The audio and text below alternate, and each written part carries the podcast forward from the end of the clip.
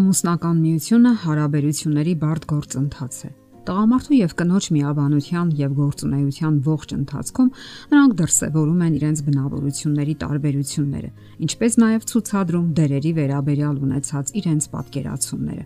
Ինչ վերաբերում է դերերին, ապա տեղին է մեջ բերել այսպիսի դիպուկ արտահայտություն ամուսնությունը երկու կողմերի ընկերակցությունն է, բաղկացած տիրոջից, տիրուհուց եւ երկու ստրուկից։ Հասկանալի է, որ դերերի գործառույթներում է հենց դրսևորվում բնավորությունը։ Հասկանալի է, որ բռնի ղեկավարումը տան գլխավորի հանդեպ անվերապահ հնազանդությունը մեր օրերում այլևս ընդունելի չէ։ Եթե տղամարդը կնոջը ստիպում է, որ ամեն բանում համակարծիք լինի իր հետ, ապա վաղ թե ուշ հիմնախնդիրներ կառաջանան, որովհետև կինն իրեն անլիարժեք է զգում։ Այդ դեպքում խախտվում են դերակատարումները եւ ամուսնական բնականon փոխհարաբերությունները։ Մայրիշխանությունը նույնքան անընդունելի եւ անբնական է, որքան տղամարդու գերիշխանությունը։ Այս դեպքում դարձյալ խախտվում են դերերի գործառույթները։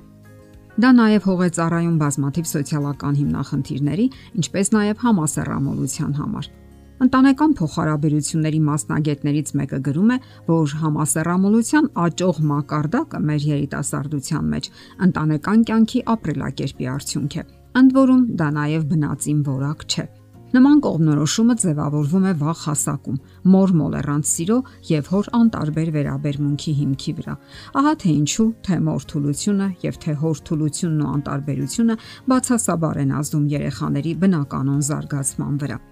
Հասկանալի է, որ ընտանեկան միությունը բախվում է բազմաթիվ հիմնախնդիրների, սակայն առողջ դատող ամուսինները ձգտում են համագործակցել որպես երկու հավասար ղեկավարներ։ Նրանք որոշում են հաղթահարել դժվարությունները եւ առաջ ընթանալ։ Եվ նույնիսկ այդ դեպքում նրանք բախվում են բազմաթիվ հիմնախնդիրների, որոնք լուծում են պահանջում։ Իսկ չլուծվելու դեպքում դրանք կուտակվում են եւ վաղ թե ուշ դրսևորվում պայթյունի ձևով։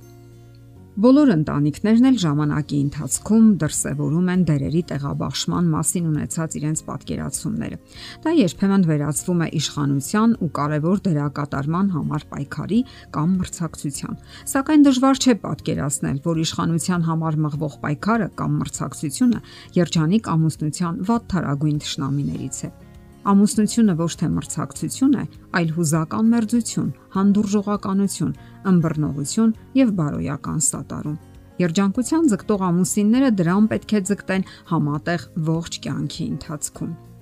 Ամուսինները չպետք է միմյանց պարտադրեն իրենց տեսակետը Սա ամենաբարդն է։ Կողմերը ուղակի եւ անուղակի ձևով ցուցադրում են եւ դրսեւորում իրենց պատկերացումները, կյանքի հանդեպ ունեցած գաղափարները եւ իրենց փիլիսոփայական ողջ մոտեցումները։ Այստեղ հարկավոր է նրբանկատ եւ ըմբռնող լինել, չպարտադրել սեփական մոտեցումները։ Դա բոլոր դեպքերում չի հաջողվելու, եթե անգամ թույլ կողմը ընդհանրապես լռում է որովհետև նրա ներսում լուրջ խմորումներ են ընթանում եւ դա վաղ թե ուշ դրսեւորվում է ողջ բացասական ներկապնակով։ Ահա թե ինչու ամուսիններից մեկն իրավունք չունի իր տեսակետը պարտադրելու որպես միակ ճիշտը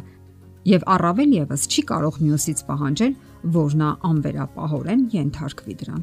Ընտանիքում յուրաքանչյուրը պետք է պատրաստակամ լինի հաղթահարելու տարաձայնություններն այնքան ժամանակ, քանի դեռ ընդհանուր հայտարարի չեն եկել։ Որոշ դեպքերում ղեկավարումը կարող է ստանձնել ամուսինը, շնորհիվ որոշակի բնագավառներում ունեցած իր լավատեղյակության։ Մի այլ ընտանիքում կինը կարող է ստանձնել ղեկավարությունը։ Բոլոր դեպքերում ամուսինները պետք է միահոգի լինեն Եթե ամուսինն է գլխավորը, չի ենթադրվում, որ նա բռնակալի դեր պետք է կատարի։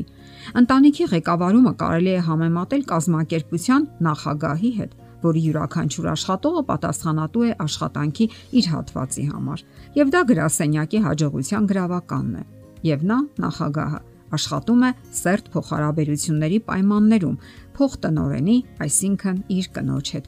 Նույն մեխանիզմն է գործում ամուսնական հարաբերություններում Ամուսիններն անընդհատ խորհրդակցում են միմյանց հետ, քննում ամենահնարավոր եւ բոլոր կնճռոտ հարցերը։ Այդ խորհրդակցությունները պետք է լինեն առանց դադարի ամբողջ կյանքի ընթացքում։ Անիմաստ է սпасել ու հուսալ, թե դիմացինը կհասկանա, թե ինչ մտածողական գործընթացներ են կատարվում ձեր ուղեղում։ Մարդն ինքը հաճախ չի հասկանում, թե ինչ է կատարվում սեփական ուղեղում։ Ահա թե ինչու հարկավոր է հատուկ ժամանակ հատկացնել ընտանեկան հիմնախնդիրներն ու ծրագրերը քննարկելու համար։ Պետք է գնահատել միմյանց կարծիքը, փորձը, ողջունել դիմացինի մասնակցությունը ընտանեկան խնդիրները լուծելու գործում։ Ընդ որում հարկավոր է մի կողմ դնել ավելորտ ինքնավստահությունն ու եսասիրությունը Եթե դիմացինն ավելի լավատեղյակ է հարցին եւ ավելի լավ լուծում է առաջարկում, ավելի իրատեսական մոտեցումներ ունի, կարող եք սիրով ընդունել դրանք։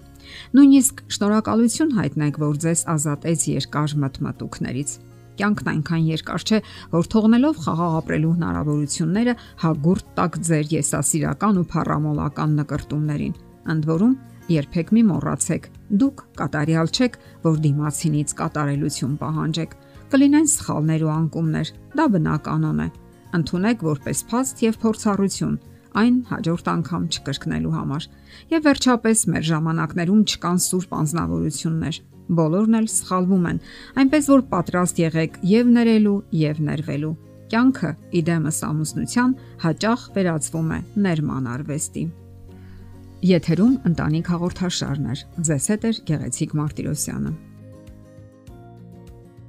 Հարցերի եւ առաջարկությունների համար զանգահարել 033 87 87 87 հեռախոսահամարով։